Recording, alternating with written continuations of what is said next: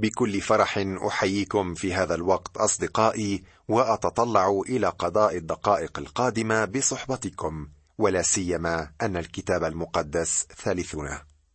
صلاتي أن يكون لكلمة الله مكان في أذهاننا فاهلا بكم في هذا اللقاء. درسنا في المرة الماضية الإصحاح السادس عشر من سفر الخروج. في الواقع يوجد سبعة اختبارات مر بها الشعب تصور لنا الحياة المسيحية. رأينا حتى هنا كيف غنوا ترنيمة التسبيح مع موسى ثم مسيرتهم ثلاثة أيام بدون ماء وصولهم إلى نبع مارة حيث كانت المياه مرة لا تصلح للشرب. ثم وصولهم إلى إيليم حيث الواحه والراحه والمياه الحلوة النقية. بعد ذلك جاءوا إلى برية سين التي بين إيليم وسيناء وإلى المن والسلوى. أصبح المن قوت الشعب الرئيسي خلال جولانهم في البرية وكان كل ما يحتاجونه. كان عليهم أن يجمعوا ما يكفي ليومهم كل صباح وكل واحد لنفسه. قلنا أن المن يا صديقي يحكي عن الرب يسوع المسيح كخبز الحياة كالخبز النازل من السماء. يسوع الذي أتى ليبذل نفسه عن العالم. يسوع هو الخبز الحقيقي هو الذي يعطينا الحياة والقوت والسند. لا يمكننا أن نصف المن بدقة. يقول الكتاب عنه أنه أبيض كبزر الكزبرة وطعمه كرقاق العسل. كان غذاء هائلا غنيا. بالرغم من كل هذا ابتدأ الشعب يتذمر من جديد. قرأنا أنهم حفظوا جزءا من المن للمستقبل.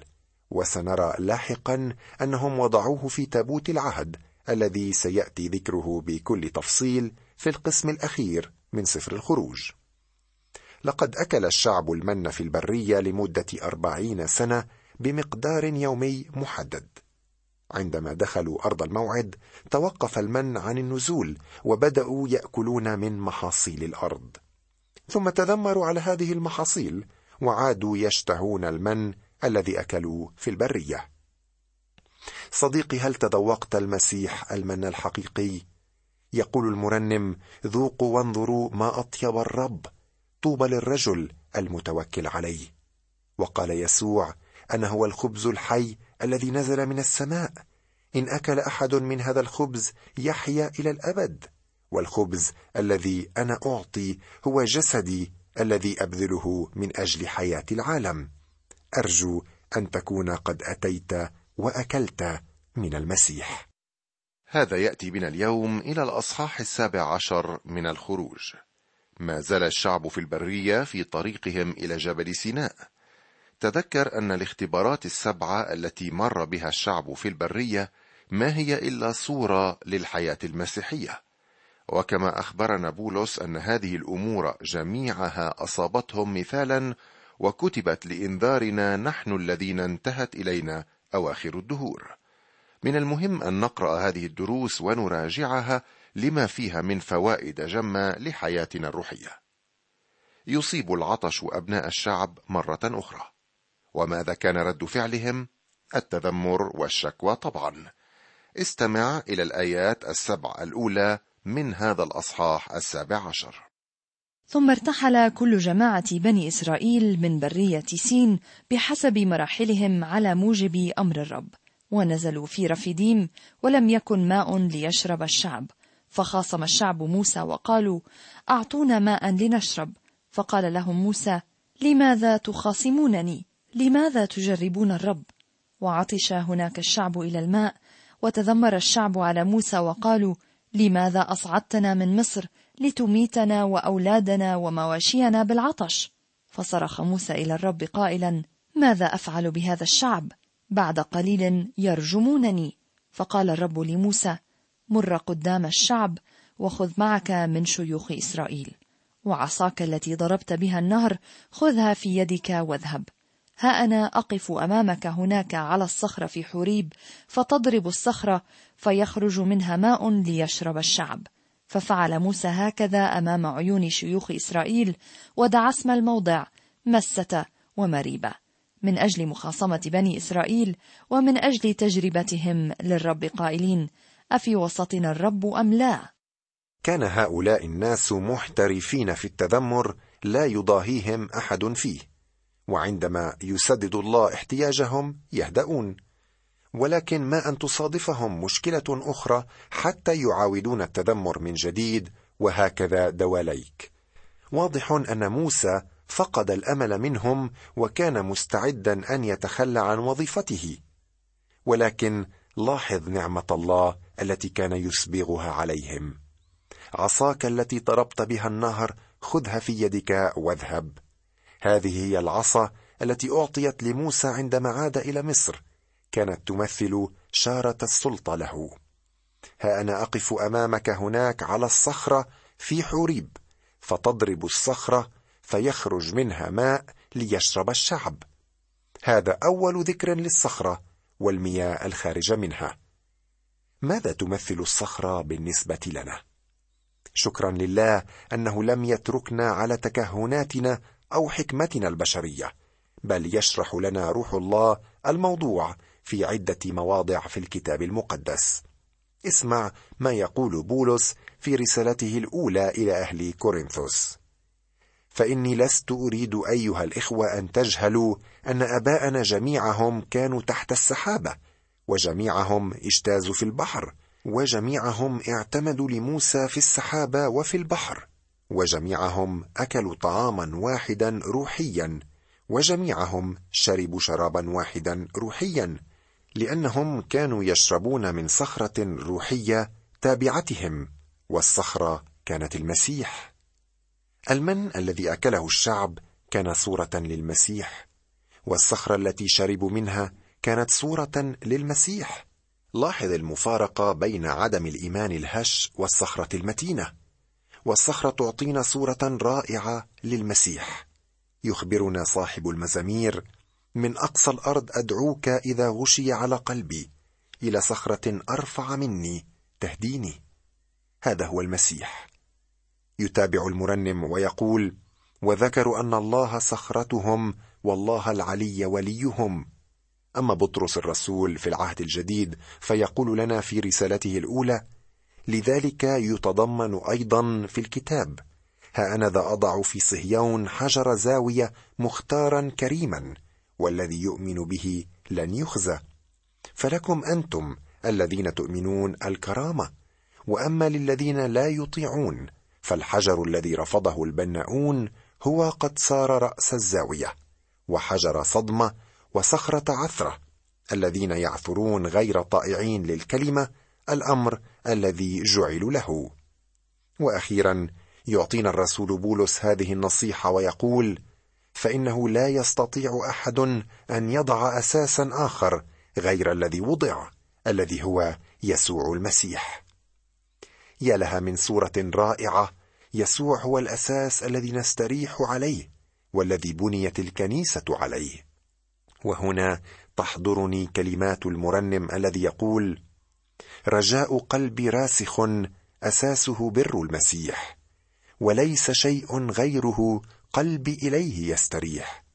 عليك يا صخر الأزل ألقي رجائي والأمل ألقي رجائي والأمل. لاحظ مستمعي أن الصخرة هي آخر مكان تفكر في الذهاب إليه لتشرب. يمكنك أن تعجب بالصخرة وتحللها ولكنك لا تستطيع أن تشربها. من كان يستطيع أن يشرب من الصخرة قبل أن تضرب؟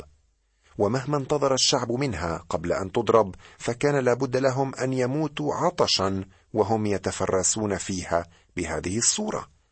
فما لم تقع الضربه من عصا الله على الصخرة ما كان ليخرج منها ماء يروي ظمأ الشعب. يسوع هو الصخرة ولكن حياته الجميلة ومتانته لا تخلصك كما أن تعاليمه لا تفدي نفسك. كل هذا جميل جدا فحياة المسيح لا يوجد أحلى منها ولكنها لا تخلصك بمجرد النظر إليها والإعجاب بها. حتى تطبيق المبادئ التي علمها المسيح قد يعطيك قليلا من اللمعان ولكنه يبقى الصخرة التي قد تصدم رجلك فيها. قد تقع على هذه الصخرة للخلاص ولكن لا يمكن لأية قوة بشرية أن تخرج منها الماء. فقط عندما تسحق هذه الصخرة تخرج منها المياه الحية. والمسيح صلب ومات وحمل الخطايا. سحق ليخلصك. بمجرد ما ضرب صخر الدهور بيد الرب انفتحت في الحال مجاري محبة الله الأبدية. وأرسل الروح القدس ليدعو الخطاة الهالكين ليشربوا من ماء الحياة مجانا لكي تكون لهم حياة ويكون لهم أفضل. في سفر العدد نقرأ أن الشعب تذمر مرة أخرى لعدم توفر الماء. في المرة الأولى طلب الله من موسى أن يضرب الصخرة لتخرج المياه منها. أما في المرة الثانية فيخبرنا سفر العدد أن الله أعطى إرشادات أخرى لموسى. خذ العصا واجمع الجماعة أنت وهارون أخوك وكلما الصخرة أمام أعينهم أن تعطي ماءها. فتخرج لهم ماء من الصخرة وتسقي الجماعة ومواشيهم. كان على موسى أن يكلم الصخرة. لماذا؟ لأنها قد سحقت في المرة الأولى ولا حاجة لضربها أو سحقها من جديد. هكذا الحال بالنسبة للمسيح. المسيح الذي صلب قبل ألفي سنة مرة واحدة وقال عندها قد أكمل. لا حاجة لأن يصلب المسيح ثانية. لقد رضي الله بما عمله المسيح لأجلك مرة واحدة. ترى هل أنت راض بما عمله المسيح لأجلك على الصليب؟ لقد مات ليخلصك والمطلوب منك أن تقبل فداءه لتنجو. واليوم فإن البركات الروحية تأتينا من يسوع الصخر العظيم. تتفجر المياه من الصخرة لتروي ظمأ العطشان. يقول بولس مبارك الله أبو ربنا يسوع المسيح الذي باركنا بكل بركة روحية في السماويات في المسيح. سحقت الصخرة مرة وما زالت تعطي ماء الحياة بوفرة. ومع ذلك فإن الكثيرين اليوم ما زالوا يعطشون ويطلبون الشراب الروحي ويبحثون عنه في كل مكان ما عدا المسيح المصدر.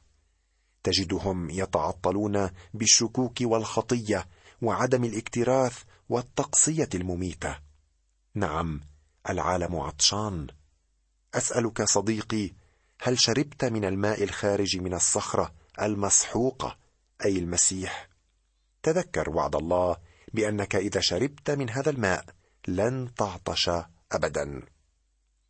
خلال مسيرة الشعب في البرية صادفوا جماعة قوية تسمى بالعماليق وهؤلاء العماليق هم صورة للجسد في الكتاب المقدس.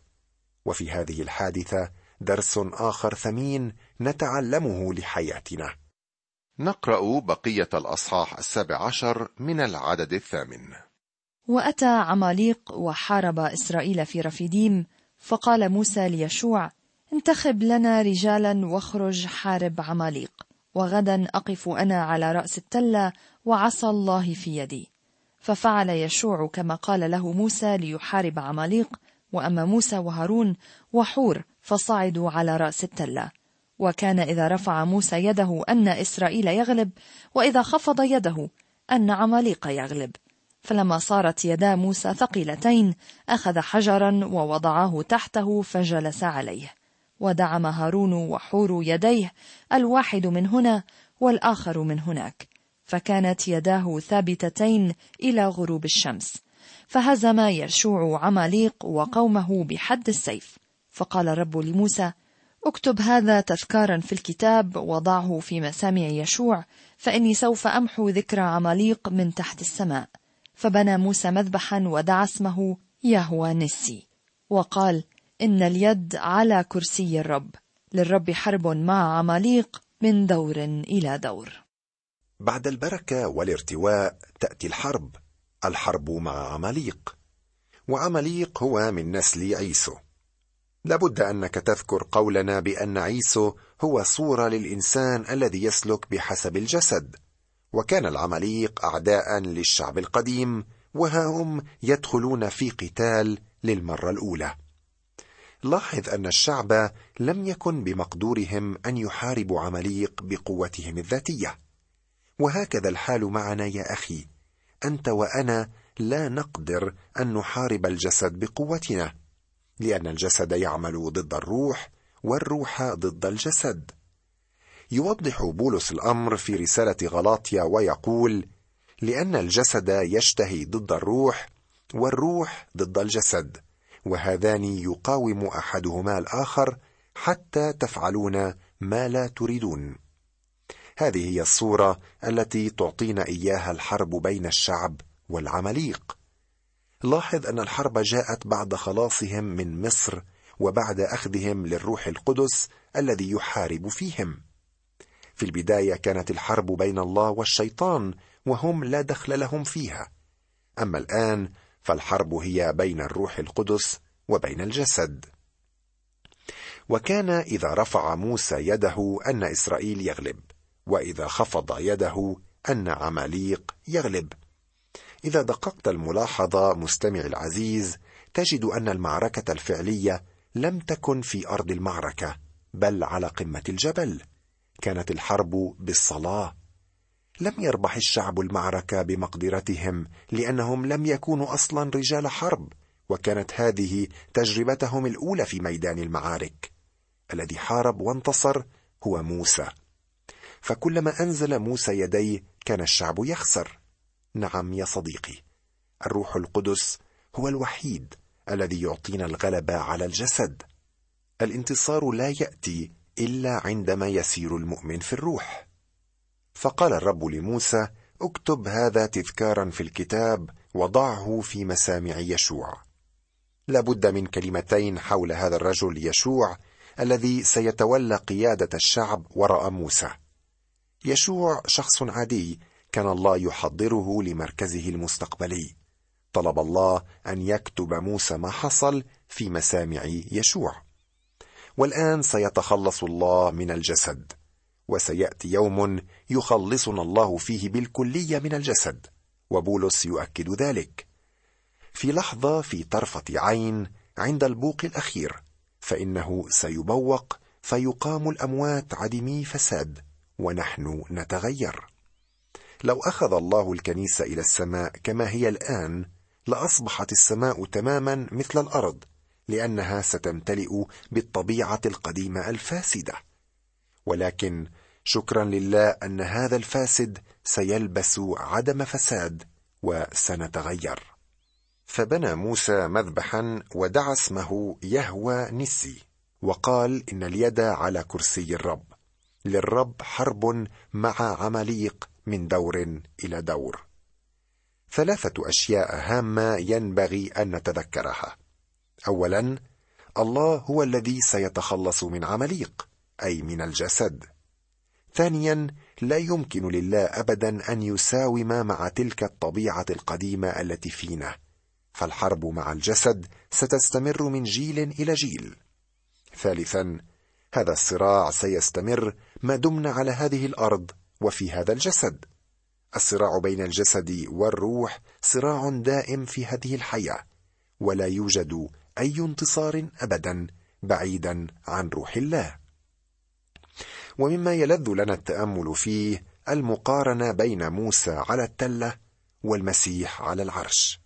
فإن يدي المسيح شفيعنا العظيم لن تنخفضا ابدا إذ هو حي في كل حين ليشفع فينا. يده لا تكل ولا تعيا ولا يحتاج إلى من يدعمها له لأن شفاعته كاملة وهو ظاهر أمام الله بكماله المطلق. أنتقل فورا إلى الإصحاح الثامن عشر حيث نأتي إلى آخر اختبار ضمن الاختبارات السبعة التي مر بها الشعب في البرية. طيلة هذا الوقت كان الله يقود موسى بإعلانات مباشرة ولكن نرى موسى الآن يتبع حكمة بشرية لحل الأمور بدلا من إعلان الله.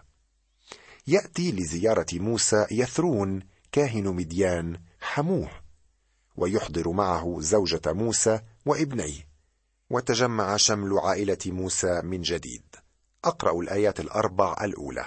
فسمع يثرون كاهن مديان حم موسى كل ما صنع الله إلى موسى وإلى إسرائيل شعبه.